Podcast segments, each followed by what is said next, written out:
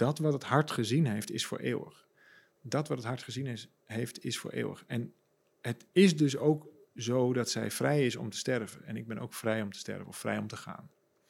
En dat doet niets af aan de liefde voor elkaar. Hmm. En natuurlijk is er dan verdriet, en natuurlijk is er dan rouw, en natuurlijk is er dan verwerking, en dat is allemaal waar. Maar het doet niets af aan de liefde.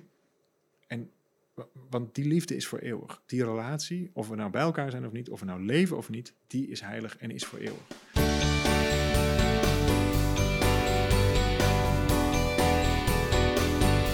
Leuk dat je weer kijkt of luistert naar deel 2 van de aflevering met David de Kok. Als je deel 1 nou nog niet hebt gezien, doe dat dan eerst even. En anders veel plezier. Podcast of Hope, moving towards happiness. Ik wil even een heel ander onderwerp inslaan. Cool. Eh, want ik wou er toch nog even over hebben gehad voordat de podcast voorbij is. Want we hadden tijdens eten al een beetje over de zweethut. En Zeker. ik wist, weet eigenlijk nog steeds niet heel goed wat het is. Hmm. En ik kan me voorstellen dat sommige luisteraars het ook niet weten. Maar het is heel belangrijk voor jou. Eh, en misschien heeft het ook heel veel met geluk te maken. Voor jou misschien ook totaal niet. Dat weet ik niet. Maar zou je misschien kunnen uitleggen? Zeker. Nou, het, het heeft voor mij heel veel met eenheid te maken. Jij noemde het net al eventjes eh, non-dualiteit. Eh, dus het idee dat er geen tweeheid is. Dus niet iets als goed en slecht. eh, of schuld en onschuld. Maar dat er maar, dat er maar één is. Dat we allemaal, inclusief alles om ons heen, inclusief de hele kosmos, Ja. dat dat één en hetzelfde is. Dat is goed en slecht samen. Of Nee, dat niet? nee. De- ik zeg ook heel vaak in, in de groepen die ik daar tref, eh, je kunt het niet goed doen. Dat vinden mensen heel verwarrend. Je kunt het niet goed doen. Maak je niet druk, je kan het niet goed doen. Daarmee kun je het ook niet slecht doen. Nou ja, Je kunt het alleen maar goed doen. en slecht als één. Ja, er is geen goed, er is geen slecht vanuit die manier van kijken. Er is ook geen schuld en geen onschuld. Dus daarmee hoef je ook nooit te vergeven. Want als je niet schuldig kunt zijn, hoef je ook niet te vergeven. En de enige die je op zijn minst of op zijn op best zou willen vergeven, is jezelf dat je dat even vergeten was. Of zo. Mijn, mijn eh, eerste hutervaring is al zo'n tien jaar, geleden- bijna tien jaar geleden. Dat, dat was het echt het gevoel van thuiskomen. En dat was wel ongeveer de laatste plek waar ik dat had verwacht. En dan moet je je voorstellen, dat is een, eh, een heel kort beeld van wat dan, wat dan zo'n zweethutceremonie is. En buiten brandt een groot vuur, daar liggen wat stenen in, basaltstenen, en die worden heet. En die worden in een soort iglo-tentje met, eh, met wilgetenen gevouwen en een paar dekens erover. Die worden daarin... heel heet. Ja, die, 700 graden, toch? ja, de steen op het vuur is die 700 graden, maar als die binnenkomt is die al geen 700 graden meer. Dat gaat heel hard naar beneden. Oh, Ehm, maar die zijn roodgloeiend, inderdaad. En dan komen er dus een aantal van binnen. En dan gaat een doekje voor de deur. En dan zit je met elkaar in een kleine, donkere ruimte. En dan gaat er wat water over die stenen. En dan krijg je een soort, als je wel eens in de sauna bent geweest bij zo'n opgietingsritueel. Nou, dat is, dat is er eentje dan in het donker, zeg maar. Het heeft verder niet zo heel veel met de sauna te maken, maar even als, als idee. En dan, dan wordt het, de luchtvochtigheid neemt toe, de, temp, de absolute temperatuur neemt zelfs iets af, maar dat ervaar je heel anders. Want de contactwarmte, eh, of de stralingswarmte verandert in contactwarmte. Ja. dus de, de luchtvochtigheid wordt 100%. Daarom zweet je in een zweet het ook niet zo heel veel, gek genoeg. Want het lichaam kan niet koelen aan de lucht. Dus je, je, je warmte slaat naar binnen. Je, je, je warmt eigenlijk op. Dus je, je warmt je lichaam op. En het deel wat het meest opgewarmd wordt, wat namelijk het veiligst is in je lijf om op te warmen, dat is je beenmerg. Nou, wat zit er in je beenmerg? Wat wordt er in je beenmerg gemaakt? Stamcellen? Juist, daar Ja. zitten je stamcellen. En, en daar worden ook je, je, je bloedcellen gemaakt, als ik me niet vergis. Maar in ieder geval de, eh, de stamcellen. Dus daar zit eigenlijk je bron-DNA. Nou, wat ik een mooi, ik weet helemaal niet of dat, of dat biologisch ook echt zo is, maar wat ik een mooi beeld vind, ik krijg er gewoon warm van als ik het erover heb. en ik zat er gisteren nog uitgebreid in. eh, is als je. eh, dat, het, het voelt alsof je, voor mij in ieder geval, alsof je contact maakt met ook bron. Niet alleen met je eigen broncellen, maar in die broncellen maak je misschien zelfs wel verbinding met dat wat ooit als eerste ademde. Eh, dus in, in, in, in de Lakota-tradities, een uh, Sioux-stam in eh, Noord-Amerika, de oorspronkelijke bewoners van Amerika, die ehm, hebben daar ook een woord voor. En ze noemen eh, de zweet het Inipi. Inipi. En Inipi betekent House of the First Breath. Dus het huis van waar, de, waar er voor het eerst geademd werd. Dus je herinnert je dat wat als eerste ademde. Hm. Nou, ooit, toen het allemaal nog donker en stil was, toen, eh, dan heb je het over miljoenen jaren geleden, toen ontstond er water en steen. En dat is heel lang, eh, miljarden jaren is het water en steen geweest. En in, in, in water en steen ontstond op een gegeven moment leven. En dat leven, dat ging verder en verder en verder. En eigenlijk alles wat leeft heeft DNA. En vervolgens is het allemaal opgebouwd uit nou water, mineralen. En, dus water en steen is heel bazaal voor ons allemaal. Dat was er als eerst. Nou, dus wat komt er binnen? Een, we noemen het grootmoeders, dus er komt een hete steen binnen. Ja, die stenen waren er al. En dat is lavasteen. Dus dat, dat steen is ook echt uit het binnenste van de aarde, vanuit die kern opgeworpen. Nou, die steen komt weer binnen, die is roodgloeiend, dus die, die heeft ook die, diezelfde, zeggen wij dan, informatie van vroeger, van toen. Dat is zo puur, dat is zo bron. Nou, vervolgens giet je daar water overheen. Ja. Nou, dan krijg je water en steen. Dus je krijgt eigenlijk die oerknal. Je krijgt eigenlijk dat, dat, dat hè, het innerlijke begin. Krijg je terug als een soort ervaringsherinnering. Zonder dat je precies weet, het- dit gaat voorbij het weten. Dus ja, dat gebeurt allemaal onbewust. Dan denk je niet over... Nee, daar ben je helemaal niet mee bezig. Dat wist ik in het begin ook helemaal niet. Ik ging daar zitten en het gebeurde zo voor mijn ogen. En ik vond het waanzinnig. En ik, maar veel belangrijker, ik voelde me voor het eerst van mijn leven ergens thuis. Ik heb altijd geweten dat er iets zou bestaan als huis, als thuis. Ik had alleen nooit verwacht dat dat in een zweethut zou zijn. Ik wist, helemaal niet eens, wel- ik wist niet eens dat we daarheen gingen. Ik ging gewoon met een vriend mee en die zei, we gaan iets tofs doen, ga je mee? Tuurlijk, als jij tofs wil doen, ga ik mee. Nou, toen zaten we in de zweethut. En toen werd ik zo onwaarschijnlijk emotioneel. En het waren geen tranen van verdriet, het waren ook geen tranen van geluk per se, maar het, waren, het was een soort ontlading van thuiskomen. Van, wauw, ik heb altijd op zielsniveau geweten dat dit bestaat, maar man, wat is dit heerlijk. In diezelfde eh zweet het op dat moment, en dat, dat, ja, dat, dat kan gebeuren, dat gebeurt lang niet iedereen altijd, maar dat gebeurde bij mij toen wel, was er zoiets als een heel helder beeld. Een, een, je zou het een visioen kunnen noemen, dat klinkt allemaal wel weer heel eh, profetisch, zo bedoel ik het eigenlijk niet, maar het was een, het was een heel helder beeld. Het was een, een, een, een heel kleurrijk, groot soort oog wat open ging en me aankeek. En, en een soort stem die niet letterlijk zei, maar ik voelde een soort stem, snap je wat ik bedoel? Een, een Mm, soort van, ja. eh, this is the way. Zo- Zo'n Ja, soort... ja, zoiets was het. Ja, het was echt heel tof. Dus het was ook nog nadat ik dus eerst had ervaren, oh, ik ben thuis, ik voel mijn broeder in deze oeroude ceremonie. Ik kon alle liederen in één keer meezingen. Ik had ze nog nooit gehoord. Ik kon ze meteen meezingen. Het was ook een herinnering van een klank die ik waarschijnlijk eerder heb gehoord, maar nooit eerder had, bewust had waargenomen. Nou, ik voelde me thuis. En, en vervolgens daarna was dus dat beeld. En ik wist, hier heb ik iets mee te doen. Nou, toen is er een hele interessante zoektocht begonnen door het heel vaak en heel veel op heel veel verschillende plekken te doen. En ook te ontdekken dat ik me daar helemaal niet thuis voelde. Dus ik ben op heel veel plekken geweest. Allemaal even fantastisch, maar niet voor mij. En na wat omzwervingen kwam ik uiteindelijk eh, bij een tribe in Stoutenburg terecht. En die hebben me heel, heel lang, heel liefdevol opgevangen. En, en daar heb ik me enorm thuis gevoeld. En ben ik, ben ik eh, ja, heel veel ceremonies gaan doen. En gewoon elke keer als deelnemer om, om, ja, om, om, dat, om thuis te zijn. Om daar te leren. Ze noemen het ook prayers. Dus je, je, je, je, liederen zijn eigenlijk geen liederen, maar het zijn eigenlijk prayers. Dus om, om, om ja, de- bidden is zo kerk geassocieerd, zo bedoel ik het helemaal niet. Maar je zou kunnen zeggen te mediteren. Dat eh, vind ik wel een, een- daar zit het heel dichtbij. Ehm, samen te zitten, samen te zingen, eh, nou, de prayers te doen. En dat heeft me heel lang heel goed gedaan. Totdat er een moment komt waarbij diezelfde vriend aan mij vroeg... eh, heb je zin en tijd om een initiatiepad te gaan lopen bij een andere tribe? Nou, dat had ik helemaal niet. Maar ik had wel eh, eh, zin om veel in de hut te zitten. Dus ik zeg, nou, ik ga wel mee. En dan, dan Ja. ben ik wel jullie guinea pig. En dan kunnen jullie mooi oefenen met, met zweethutten gieten en maken en opzetten. En, nou, en, dan, en dan ben ik daar gewoon graag bij aanwezig. Want ik ben graag in de hut. Dus, dus hoe, meer, hoe meer, hoe beter. Nou, Maar even voor iedereen die luistert, een initiatiepad, wat moeten we daar ons bij voorstellen? Ja, goede vraag, sorry. Eh, een initiatiepad was om zelf watergieter te worden. Dus er is altijd één, Oh. één ceremonieleider, zeg maar, zonder dat het nou echt leider is als een akela, maar iemand die het water giet, dus die de emmer binnenvraagt, die de, de lepel hanteert om eh, de, de stenen te bedienen en daarmee ook voor de mensen te zorgen. Ja, dat is echt een serieus ceremoniële... Ja, ja, een hele ceremoniële, zeker. Een, een hele eh, nederige, maar en, en, en het is ook nog hard werken, maar het is een dankbare, nederige taak om dat te doen. En ik vond het heerlijk als iemand dat deed, want ik zag ook wel eens en veel werk en het is ook, het is ook best wel veel. Ehm, dus ik vond het al, al pittig genoeg om gewoon in die hut te zitten. Laat staan dat ik nog wat zou moeten doen. Ja. Dankjewel voor deze toelichtende vraag. Eh, dus de vraag kwam toen van wil je mee naar zo'n zo'n initiatietraject? Wat een traject is van een jaar waar je vier dagen eh, nou, de leer overgedragen krijgt. Dan moet je een jaar lang oefenen op allerlei manieren. En dan vier dagen komt, komt dan de chief komt dan langs.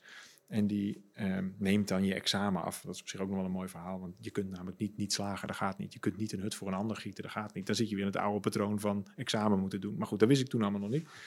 En, en ik was ook helemaal niet van plan om watergieter te worden. Ik wilde gewoon graag in veel in de hut zitten. Dus ik ging met Rijk mee en, en, en wij gingen daar eh, dat, dat ding doen. En op die laatste dag, toen vroeg eh, de man die dat, dat, dat, dat traject begeleidde, Geert, die vroeg David, wil je ook nog een hut gieten? En ja, dat wilde ik eigenlijk wel. Ik, ik, had, ik had zo die hutten gezien en ik dacht, nou, daar heb ik een ander idee over. Of wilde ik wel eens proberen, hoe zou het zijn als het wat heter zou worden? Of hoe zou het wat zijn als ik het wat... Nou, dus ik nam, nam de lepel aan. Ik vroeg wat extra stenen naar binnen, de deur ging dicht. Ja, en toen gebeurde het weer. Dan had ik weer, maar het is jaren later, dus we hebben het hier over zes jaar daarna of zo. Had ik weer dat gevoel van, hé, hey, maar ik dacht dat in de hut mijn plek is. Nee, het is op de watergietersplek. Dat is mijn plek. Dus ja, dan kun je ook niet meer zo makkelijk terug. Dus ik kreeg die lepel in mijn hand, het werd donker, ik begon het water te gieten, ik begon die liederen te zingen. En toen was ik nogmaals thuis, was ik nog dieper thuis. Kun je je voorstellen? Ja, ik kan me niet voorstellen, maar ik weet heel goed wat je bedoelt. Ja, dat bedoel ik. De, de klik die je dan hebt op die plek. Ja. Ineens is er een, nou, er is een heel mooi, ehm, in, in, in twee ehm, heilige boeken, hè, dus in de Bijbel en in de, en in de Koran, staat volgens mij, ik heb het er nooit op nagezocht, maar ik heb het verhaal wel eens gehoord, dan hebben ze het over het ik-ik-principe. Dus er is een soort binnenwereld en er is een buitenwereld. En als die binnenwereld en de buitenwereld keurig over elkaar heen vallen, als er dus geen verschil meer is tussen de binnen- en de buitenwereld, daarom was het punt van relatie zo belangrijk, want daarmee hef je eigenlijk binnenwerelden op. Dan is eigenlijk alleen nog maar eenheid. Hè. Dus de binnenwereld en de buitenwereld die vallen samen. Dan kom je helemaal in dat moment. Dat is eigenlijk het nu-moment waar, waar eh, Master Tolle het ook over heeft. Dus als, je, als, als dat plaatsvindt, ja, dan wil je nergens anders meer zijn. Dan is dat precies goed. Nou, dat had ik de eerste keer weten. Toen viel de binnenwereld ineens met de buitenwereld samen. Nooit gedacht dat het daar was, maar ik ben thuis. En vervolgens ging ik op de watergietersplek zitten, of op uitnodiging. En ik begon het water te gieten. En ja, dat was echt overtreffende trap daarvan. De binnenwereld en de buitenwereld vielen samen. Ik was natuurlijk al wel bedreven met groepen. Ik was bedreven om, om in zalen dingen te doen enzovoort. Ik kende de liederen. En ik had veel zweetuitervaring. Maar ineens komen die werelden bij elkaar. Ik vond dat een bevrijdende ervaring. Ja, waar. Is dat vervolgens iets wat bij elkaar blijft? Of beweegt dat zich weer uit elkaar totdat je iets doet? Nou ja, dat is natuurlijk wat, wat wij mensen daar eh, meteen mee doen. Hè. Dus als je een gelukzalig moment beleeft, dan doet het ego, ehm, die stem in je hoofd, eigenlijk twee dingen. Of in ieder geval probeert één van de twee dingen, probeert ze uiteindelijk allebei. Is of dat moment vast te houden, Ja. en daarom is het meteen weg. Of het. Of dat moment te herhalen. Oh ja. Dus of het te verlengen, zeg maar, hè, dus door vast te houden. Of, of het te herhalen. En in beide gevallen is het weg. Oh ja. gevallen Want is het gelijk- niet meer in het nu? Of hoe moet Exact. dat- Oké, ja. Exact. Je probeert het namelijk in de toekomst, probeer je het dan nog steeds zo goed te hebben met jezelf. Mm. Dus je bent eigenlijk uit dat kosmische, magische, samenvallende moment. En dat, dat gebeurde mij natuurlijk ook meteen. Ja, niet op dat moment in die hut, maar toen gingen we eruit. En toen was ik echt totally in the war. Want ja, ik zat bij een tribe waar het niet de bedoeling was dat ik water ging gieten. Ik zat gewoon in een tribe waar de bedoeling was dat ik stenen ging sjouwen en, en, en ging borstelen en de hut opbouwen. En dat was ongeveer de level waar ik daar was gekomen. Maar ja, er begon wel een andere ambitie. Hmm. Ineens, hè, het is net als het drinken van goede, nou drinken geen alcohol, maar goed, ze zeggen als je eh, eh, goede wijn drinkt, dat het heel moeilijk is om weer die oude JP Jeanette of, of noemen ze een gek merk, dan weer te drinken. Hè, dus als je hele dure wijn hebt gedronken, dan, dan is ineens alle goedkope Ja. wijn vies. Ja. En, en ik, ik, ik denk dat, dat dat ook een beetje zo voelde. Niet dat het vies was, maar ja, je hebt in één keer een plek gevoeld waarbij dat, dat samenvallen van die binnenwereld en buitenwereld nog sterker is. Daar kon ik niet omheen. Dat was echt heel duidelijk. Ja, en ik kon dus eigenlijk ook niet meer terug naar die, naar die tribe. En dat heeft ook echt wel even ja, wat gedoe opgeleverd. Want Mm. ik, ik ineens, ja, daar wist ik, kan ik niet verder. Dat is ook helemaal prima, respecteer ik ook. Ik ben ze zeer erkentelijk voor alles wat ik heb mogen leren. Maar ja, dan is dus ook het moment gekomen dat je zelf een keer een stok in de grond gaat zetten en je eigen vuur gaat steken, aansteken en, en een paar mensen gaat uitnodigen. Ja. Nou, en dat is inmiddels een paar jaar geleden. En daar is een heel mooie ehm, ja, mogelijkheid, een hele mooie nieuwe mogelijkheid ontstaan. En we hebben nu twee plekken in Nederland waar we eh, zeer regelmatig uh, ceremonies aanbieden. Ja. Vet. Ja. Ja, ik zou er graag heel lang over doorgaan, maar we zitten eigenlijk al ver op de tijd. En ik wil ook nog even snel vragen over het voorwerp, want dat is een beetje ons vaste segment. Nou, is dat een mooi bruggetje over het... eh, je weet niks weten over het boek. Ik heb ook nog een boek helemaal meegesjouwd. Eh, Is dat niet het voorwerp? Nee. Het voorwerp zit namelijk in het boek. Oh, oh. Ja. ah. Ik heb het boek meegenomen van mijn vrouw. En die heeft een fantastisch boek geschreven over oneindige liefde. Dat is echt een heel goed boek voor iedereen die een relatie heeft en eigenlijk niet zo goed weet hoe dat werkt. En dat heeft onze relatie in ieder geval heel veel goed gedaan. Eh, zij is relatietherapeut en psychotherapeut en heeft eh, ja, hele praktische eh, vormen beschreven hoe je ook, ook de liefde laat stromen in een relatie. En het ingewikkelde is, of het mooie is eigenlijk, dat in een, in een liefdesrelatie kom je nou juist al die afscheiding waar we het eerder over hadden, al die, al die zelven kom je daar tegen. In het begin natuurlijk niet. In het begin ben je verliefd en dan ga je helemaal op in elkaars wereld. Eigenlijk is die relatie biochemisch, hè, dus de endorfine, dopamine, oxytocine, serotonine, die, die zitten in de, in de verliefdheidscocktail. Nou, als je dat vergelijkt, dan zit je heel dicht bij heroïne. Dus je bent eigenlijk verslaafd als je, als je verliefd bent. Ook hyperonzeker. Het is eigenlijk eh, de, de, de grootste vlaag van verstandsverbijstering, zei Midas Dekkers al over verliefdheid. hè, Als je er als bioloog naar kijkt. Nou, vervolgens houdt altijd verliefdheid een keer op. Je hebt eigenlijk als het ware een soort doorkijkje gekregen in wat die relatie zou kunnen worden. En daarna begint het werk. Dan, dan komt altijd het moment in iedere relatie van de grote teleurstelling. En dan willen we weer terug naar het begin. Dat kan dan niet, want dan werken die etso's niet meer. hè, Endorfine, dopamine, serotonine, oxytocine. En die heb je dan ineens zelf te veroorzaken. Nou, in de, meeste gevallen trekken mensen zich eigenlijk terug uit die relatie. Dan krijg je ook weer interesse gewoon in je andere vrienden en werk. En dan worden allerlei andere dingen belangrijk. En de relatie zakt eigenlijk steeds verder op de ladder van prioriteit. En zij houdt een pleidooi op, eh, en ook eh, heel praktisch, over hoe je die... die nou, anders moet je er gewoon een keer uitnodigen voor de podcast, ook, ook grappig. Goed idee. Ehm, hoe je weer terug kan klimmen op die ladder, waarbij je ehm, de relatie eigenlijk de volgende fase inbrengt. En zij zegt eigenlijk, crisis is niks anders dan een liefde die wat probeert plaats te vinden. En zij schrijft, growth trying to happen. Het is, eh, eigenlijk wil de relatie groeien, alleen we ervaren dat als crisis, als strijd, als, als iets wat niet meer werkt. En in deze samenleving is het ook weer, in een neoliberale context, is het veel normaler dat we de relatie vervangen dan dat we beginnen met leren. Ja. Ja. precies. Heeft dat ook een beetje te maken met, met, met jezelf? Dat je eh, te veel aan jezelf denkt misschien? Ja. En te weinig aan de relatie? Ja. Wij zeggen ook in ons eigen liefdesprogramma, wat Arjan en ik hebben, de relatie staat boven het individu. Ja. De relatie is heilig en staat boven het individu. Ja. En als je dat durft te zien, dan is er dus een derde entiteit. Je hebt niet mijn vrouw en ik, maar Ja, je hebt ja. de relatie. En daarbinnen acteren mijn vrouw en ik. Daarbinnen leven mijn vrouw en ik. Op het moment dat wij die relatie, die dus 100% verbonden is met mij en 100% met haar, dus niet 50-50. De relatie zelf is de verbinding. Op het moment dat we die eren, als we, daar, als we die voeden, dan krijgen we een hele gezonde, heilige, groeiende, prachtige relatie. ja, dat is het idee van huwelijk eigenlijk, toch? Nee, maar eh, het, het, zou, het zou het wel moeten zijn eigenlijk. Ja. Het is wel het, het idee van trouw. Dus het, het huwen, dat doe je voor de staat. Ja, oh ja. Dus dat is het Ja, nee, economische ja. deel van... trouwen, van, ja. eh, en, en, en daarmee ook eh, giftig, als je het mij vraagt. Trouwen is iets heel anders. Dat is ten overstaan van anderen die entiteit ook benadrukken. Dus ik, ik ben zelf getrouwd en ik kan het iedereen aanbevelen. Het is, het is echt een next level van, van een relatie. En ik had dat niet verwacht. Dat dat nog zoveel extra diepgang zou opleveren. Maar, let wel, ook heel veel extra werk. En een relatie is het, het onderhouden van een relatie is echt werk. En dat zal je niet verbazen. Emanuele en ik gaan nog steeds naar een relatietherapeut. En dat doen we al meer dan zes jaar. En we zitten er niet elke week, maar we zitten er zeker eh, elke paar maanden. En dat is niet omdat we het nodig hebben, omdat we in een relatiecrisis zitten, maar omdat we willen blijven leren en willen blijven groeien. Dus het, het onderhouden van een, eh, van een relatie is als het onderhouden van je auto. Af en toe moet er ook onderdelen vervangen, af en toe moet er ook eens even naar gekeken worden enzovoort. En dan breng je hem ook naar een specialist. Nou, dat brengen, wij- wij brengen ons vehikel, onze, nou is dat vehikel, ons, onze relatie, daar wil ik niks aan afdoen, brengen we af en toe naar Hans en dan gaat Hans gewoon even met ons kijken naar, hey, klopt het nog wel? Is er, zijn er onuitgesproken dingen? Zullen we er samen eens naar kijken? Enzovoort. En we gaan er altijd heen met, waarom doen we dit eigenlijk nog? En we rijden altijd terug met, oh, wanneer is weer de volgende afspraak? We moeten toch nodig nog? Enzovoort. En dat is geweldig. Want dan, dan blijf je uit de loop van gewoontes.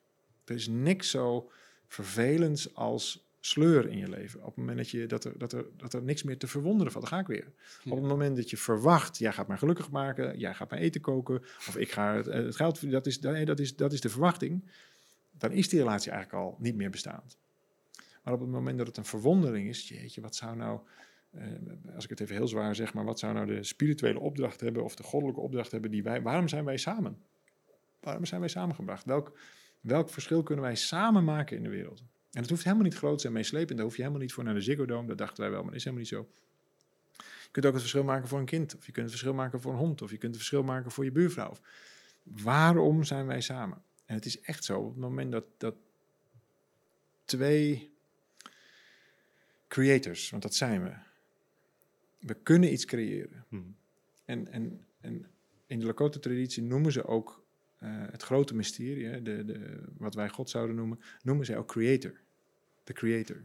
Wij zijn ook creators. Wij zijn delen van de creator. Dus als je nou heel dicht bij het goddelijke wil zijn, doe dan iets, maak iets, maak het verschil enzovoort. Dan voed je die, ehm, die relatie. In, in eerste instantie zelfs die, die, die heilige relatie zou je kunnen zeggen. Maar als twee mensen dat doen, wordt het vier keer zo sterk. Als drie mensen dat doen, wordt het tien keer zo sterk. Als, als honderd mensen dat doen, wordt het duizend keer zo sterk. Dus dat is, dat, is niet een, eh, dat is niet een optellen van, maar dat is echt het vermenigvuldigen van. Punt. Ik zie een eh, equivalentie tussen dat idee van een relatie en de, die, die twee bergen metafoor, als het Ja. ware. Klopt. Ja, Je hebt ego-relaties, die werken nooit. ja. Dus die gaan over belangen, die gaan over hidden agenda's. Die hebben, een, die hebben ook een, een, een, eigenlijk een onbewust contract met elkaar gesloten. Jij bent mijn garantie op intimiteit. Jij bent mijn garantie op veiligheid. Jij bent mij, enzovoort. Jij moet mij gelukkig maken, enzovoort. Dat zijn ego-gerelateerde, vanuit het zelf ja. ehm, nou ja, gekozen. Het zijn, zijn vaak niet eens echt gekozen. Hadden ze er maar echt voor gekozen. Maar goed, die zijn dan zo ge- gegaan. Ik dacht vroeger, dan moet je dat ook vervangen. Want dat is een, een keuze die je in het verleden hebt gemaakt, gebaseerd op een ego-structuur. Dus dan kun je die beter vervangen. Maar dat is pas echt een ego-structuur. Dat is namelijk het ego wat zegt dat je dat moet vervangen. Wat Oh, je ja. beter kunt doen, is de liefde uitnodigen in die structuur. En hoef je niets te vervangen. En ineens zal die hele relatie zich gaan transformeren. Waarom weet ik dat? In ieder geval bij ons. Ik ken Emmanuel al heel lang. Maar pas in de laatste zes jaar is die relatie bij ons heilig geworden. Pas in die laatste zes jaar, en eigenlijk pas sinds we getrouwd zijn, is die heiligheid echt een, een, een ding. En is, is echt een zegen. Hm. Dus onze relatie, wij voelen ons gezegend met elkaar. En het, en het, het, het mooie is, daarmee sluit ik het af, ehm, is, is dat wat het hart gezien heeft, is voor eeuwig. Dat wat het hart gezien is, heeft, is voor eeuwig. En het is dus ook zo dat zij vrij is om te sterven. En ik ben ook vrij om te sterven of vrij om te gaan. En dat doet niets af aan de liefde voor elkaar. Hm. En natuurlijk is er dan verdriet, en natuurlijk is er dan rouw, en natuurlijk is er dan verwerking, en dat is allemaal waar. Maar het doet niets af aan de liefde. En, wa- want die liefde is voor eeuwig. Die relatie, of we nou bij elkaar zijn of niet, of we nou leven of niet, die is heilig en is voor eeuwig. En dat geeft zoveel rust.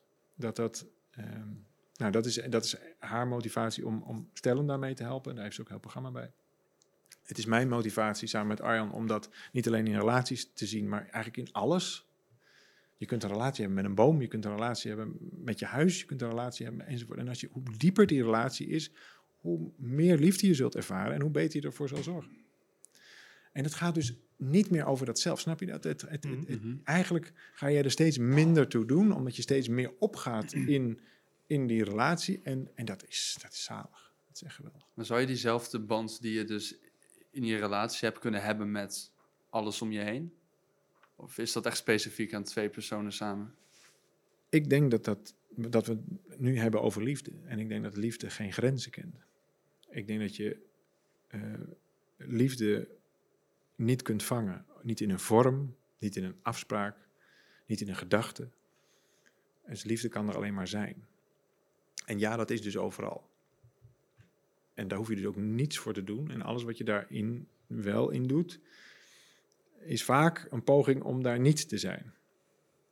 Dus de meeste ehm, energie verbranden wij eh, in het denken, door over dingen te denken. En door over dingen te denken, maak je het juist moeilijker om er contact mee te maken. En wat nou zo mooi is, als dat is die ik-ik samenvalt, is dat moment van binnenwereld klopt met de buitenwereld. Maar ook als je de, wat langer, of het hoeft niet eens heel lang, maar als je je ogen dicht doet en een tijdje stil wordt, en als het lukt om echt even stil te zijn, dan ben je voorbij de ruis van, van de gedachten en voel je waarschijnlijk heel kalm en heel prettig. Dus het is niet zo dat de liefde weg was. Het is alleen dat jij zelf even in je gedachten weg. Jij was eigenlijk weg. Nou, dan kun je jezelf terughalen. En daar zijn dan vervolgens weer allerlei manieren voor, maar dat is dan voor een volgende keer. Ja. Ik had ook nog iets meegenomen, wil je dat ook nog weten? ja, ik ben wel benieuwd. Ja. Het is een Want blad. Het lijkt op een blad, ja. Ja, en dan mogen jullie in eerste instantie even raden wat dit, eh, wat dit is. Misschien wil je het ruiken, je mag het Oh, ruik- proeven, je mag het... eh, Nou, ik ga niet proeven. maar- Mm. ja, even een likje. je kunt het rustig doen. Geen idee? Ik heb echt Ik een heb- flauw idee. Nou, ik denk een blad van een boom. maar dat is niet een heel erg... eh, Nee, het is van een plant. Het is zelfs een hele mooie plant. Eh, prachtige bloemen. En het is een van de meest misbruikte planten ter wereld. Het is namelijk tabaksplant. Ah, En deze eh, tabaksplant is gisteren geoogst. Wij, wij kweken zelf, wat kweken, dat klinkt zo stom, maar we, we, we- er groeit bij ons een heleboel tabak, omdat tabak een ceremonieel kruid is. En het mooie verhaal van tabak is dat eh, de, de natuurvolkeren offerden het moeilijkst vindbare kruid Mhm.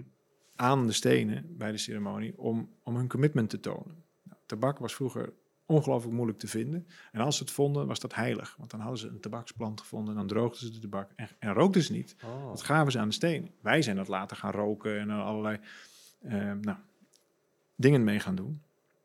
Maar vanuit, ik vond het zo'n mooi verhaal van eh, iets, iets wat zo moeilijk vindbaar is. En, en de vreugde die, als je het dan gevonden hebt, en in plaats van dat dan voor jezelf te gebruiken, dat dan te offeren aan iets wat, Groter. wat groter is, Ja. wat, wat, wat je kunt delen. Hm. En dan, dat, daarmee nou maak ik mijn verhaal een beetje rond van. Als het mooiste wat je, wat je hebt, als je dat kunt delen, als je dat kunt weggeven, daar, daar zie je eigenlijk die, die beweging van nou, de liefde, de beweging van, van geluk, zie je, daar, eh, zie je daarin. Dus wij hoeven niet naar de, naar de, naar de benzinepomp te rijden om eh, een pakje check te kopen voor veel te veel geld en daarmee een hele verwerpelijke industrie te steunen. Maar wij, wij, wij, wij genieten van de prachtige, het zitten prachtige bloemen aan ook. Enorme bladeren eh, op onze mooie plek. En dan als een eh, ceremonie begint, dan hebben wij dit thuis allemaal gedroogd. Dus iedereen heeft een beetje thuis wat, eh, wat gedroogd. En dan offeren we dat aan de, aan de stenen. Het is wel grappig dat wat je vertelt over die tabakofferen staat eigenlijk in een gigantisch contrast met wat we dus nu met de tabaksplant doen. Ja. Ja, het, het- zo zie je dat. Je kunt alles op eh, verschillende manieren gebruiken. En eh, ja, je kunt het ook gebruiken als, ehm, het, het- want dat is feitelijk wat je doet als je het rookt, is het verdoven van ehm, emotie. Dus wat er simpelweg gebeurt als je, als je rookt, dan neem je minder zuurstof in, maar je geeft eigenlijk het seintje aan het brein dat er meer lucht komt. Dus je haalt diep adem. Hm. Ondertussen vul je het met iets anders dan zuurstof. Eh, nou, en daar zitten dan ook nog bepaalde eh, nicotinestoffen in. En die heb je receptoren voor in je, in je lijf. En dan, dan, en dan voel jij je even heel relaxed, maar wel kunstmatig voel je heel relaxed. Er zijn bepaalde breindelen die als eerste eh, stoppen. Op het moment dat je te weinig zuurstof krijgt. Kijk maar hoe kinderen ademen als ze, als ze verdriet hebben. Zoals mijn, mijn, mijn zoontje, dus de jongste bij ons thuis. En dat heeft hij niet heel vaak, maar als hij dan verdrietig heeft, dan Ja. dan gaan ze hoog ademen. En wat ze eigenlijk hebben geleerd, onbewust, is door hoog te ademen geef je, zorg je eigenlijk voor net iets zuurstoftekort. En het eerste breindeel wat uitvalt in je hoofd, is het breindeel wat het emotionele centrum aanstuurt.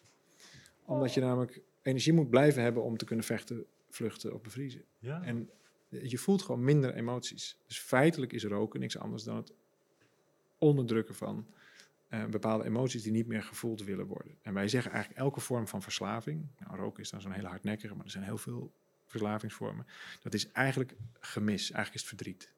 Dus er is eigenlijk een gemis, vaak aan iemand, want het kan ook wel iets zijn, maar vaak is er iemand die er niet is geweest, die er wel had moeten zijn, of iemand is er wel geweest die er niet had moeten zijn.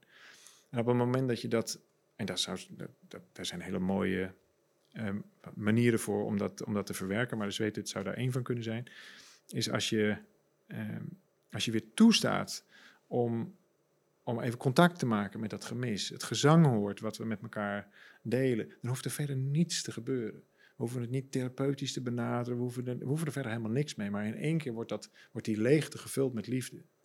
En, ja, en dan ben je eigenlijk nog gelukkiger dan daarvoor. Dus dan zou je bijna kunnen zeggen, ook daar weer, hè, de gebeurtenis had je liever voorkomen, maar hij is er nou toch. Maar dan kan het zich vullen met liefde in plaats van met onderdrukking van, nou ja, in dit geval emoties door bijvoorbeeld tabak. Mooi. Prachtig. Ja, nou, zoals je weet vragen we altijd onze gasten op het eind om een tip eh, te geven aan iedereen die luistert. Dan dacht ik misschien, stel je voor, je geeft twee tips. Dan hebben we genoeg materiaal om de podcast door de helft te doen. Dan maken we er twee afleveringen van. Hoppakee. We zitten echt op, eigenlijk op twee afleveringen al. Dus als je nog vijf, vijf minuutjes kan praten. Dan zit het mooi op twee. Nou, dat komt goed uit. Oké, ik, had, ik had jullie buiten verteld wat ik eigenlijk niet zou doen. Maar dat bedoel jij, die wil je dan misschien ook horen. Dat vind ik leuk. Ik, een, en mijn belangrijkste tip voor podcast nummer één. eh, voor, voor mij is, is vooral een note to self. Get your ass out of the way. Dus daar bedoel ik eigenlijk mee. Maak jezelf niet te belangrijk. Laat het gebeuren. Hmm. Als je kunt waarnemen wat er gebeurt, als je, als je de liefde zijn gang laat gaan, dan hoef je eigenlijk alleen maar te observeren. En dan is dat al heel gelukzalig om, om, eh, om daarbij te mogen zijn. En dat bedoel ik met die ontvouwing, met die verwondering in plaats van de verwachting, het ego, die berg beklimmen enzovoort. Dus get your ass out of the way. Heeft me enorm geholpen. En dan, ik heb het opgeschreven hier, want ik had het voorbereid. Ehm, het is een gedicht wat ik graag zou willen voorlezen. En dan kom je mooi in je vijf minuten ook. Het is een, een gedicht van eh, Esther eh, Nieuwkerken. En het is werkelijk prachtig. Ik vind het heel ontroerend eh, gedicht. En het gaat over. eh, Vertel het zaadje niet, zo heet het gedicht. Vertel het zaadje niet. Vertel het zaadje niet dat het een bloem moet worden. Dat het hard moet werken, goed moet luisteren. En zich voorbeeldig moet gedragen. Zich moet haasten voordat de andere bloemen te hoog zijn en boven hem uittorenden. Hem de, de zon ontnemen. Maak het zaadje niet klein door te zeggen dat het maar een zaadje is, terwijl er een wereld aan bloemen in hem leeft. Vertel het zaadje niet hoeveel het moet drinken, hoeveel het moet zonnen, hoeveel het moet groeien en wat het moet worden. Vertel niet dat breken niet de bedoeling is, dat hij heelhuids aan moet komen. En vraag je dan niet af of hij wel de goede kant op gaat. En hoe hij dat zo zeker kan weten. Vraag het zaadje niet wat zijn plan is, welke kleur zijn bloem wordt en hoe hij daar gaat komen, zo hoog. En waar hij denkt die kleur vandaan te halen. Uit die gele zon of de bruine grond. Vertel het zaadje niet dat hij pech heeft, verkeerde ouders of verkeerde grond, te weinig regen of te veel zon. Vertel het plantje niet dat het niet goed groeit, te krom, te langzaam, te raar, dat de blaadjes er gek uitzien of te veel aan de kant staan, dat hij gek danst of geen kans heeft, slechts om vertrapt te worden, opgegeten, opgegeven. Vertel hem uiteindelijk niet dat de bloem de verkeerde kleur heeft, omdat de bloemen om hem heen anders kleuren. Of dat hij verkeerd ruikt, niet zoet genoeg is, of te veel op een ander lijkt. Dat geen vlinder of bij naar hem omkijkt. Vertel het zaadje slechts hoe mooi het is, hoe eigen, hoe echt. Vertel het zaadje dat hij uniek is en dat er nooit eentje eerder was zoals hij. En dat dat nou juist zo prachtig is. Dat we zo benieuwd zijn naar hoe het zaadje zal groeien en wat je brengen zal. En dat de aarde je draagt en de zon naar je lacht en het water je voedt. En dat we blij zijn dat je er bent. Op precies de goede plek, met precies de goede manier van zijn. En dat de wei nog net wat mooier is. En dat jij daar samen zal staan met al die anderen, die net zo prachtig uniek zijn als jij. En precies dat maakt het goed. Zachtjes regent het op de grond. Er is geen haast. Je voelt vanzelf wanneer je breekt en open gaat. En onthoud dat wat je bent nooit vergaat. Dat wat je bent nooit vergaat. Hoe je ook groeit, of breekt, of bloeit. Wees welkom. Prachtig. Ja, inderdaad. Weet je. Aho. Ja. ja, nou heel erg bedankt. Echt heel erg bedankt. Thank you. Bedankt voor het kijken of luisteren naar deze aflevering van de Podcast of Hoop. We hopen dat je ervan hebt genoten of misschien wel geïnspireerd door bent geraakt. Iedere zondag om 10 uur komt er een nieuwe aflevering online op YouTube, Spotify en op al je andere favoriete podcast-apps. Ook kun je ons vinden op www.podcastofhoop.nl. Tot ziens en veel geluk! De wereld waarin we leven biedt nog geen gelijke kansen. Voldoende eten en drinken. Een adequate opleiding. Goede gezondheidszorg. Vrede en geluk is niet voor iedereen weggelegd. Maar stap voor stap wordt het beter en zijn we op weg naar een octopische samenleving waarin iedereen zijn of haar leven als goed kan beschouwen. Het is een lange reis, maar we zijn op weg. Podcast of Hope. Moving towards happiness.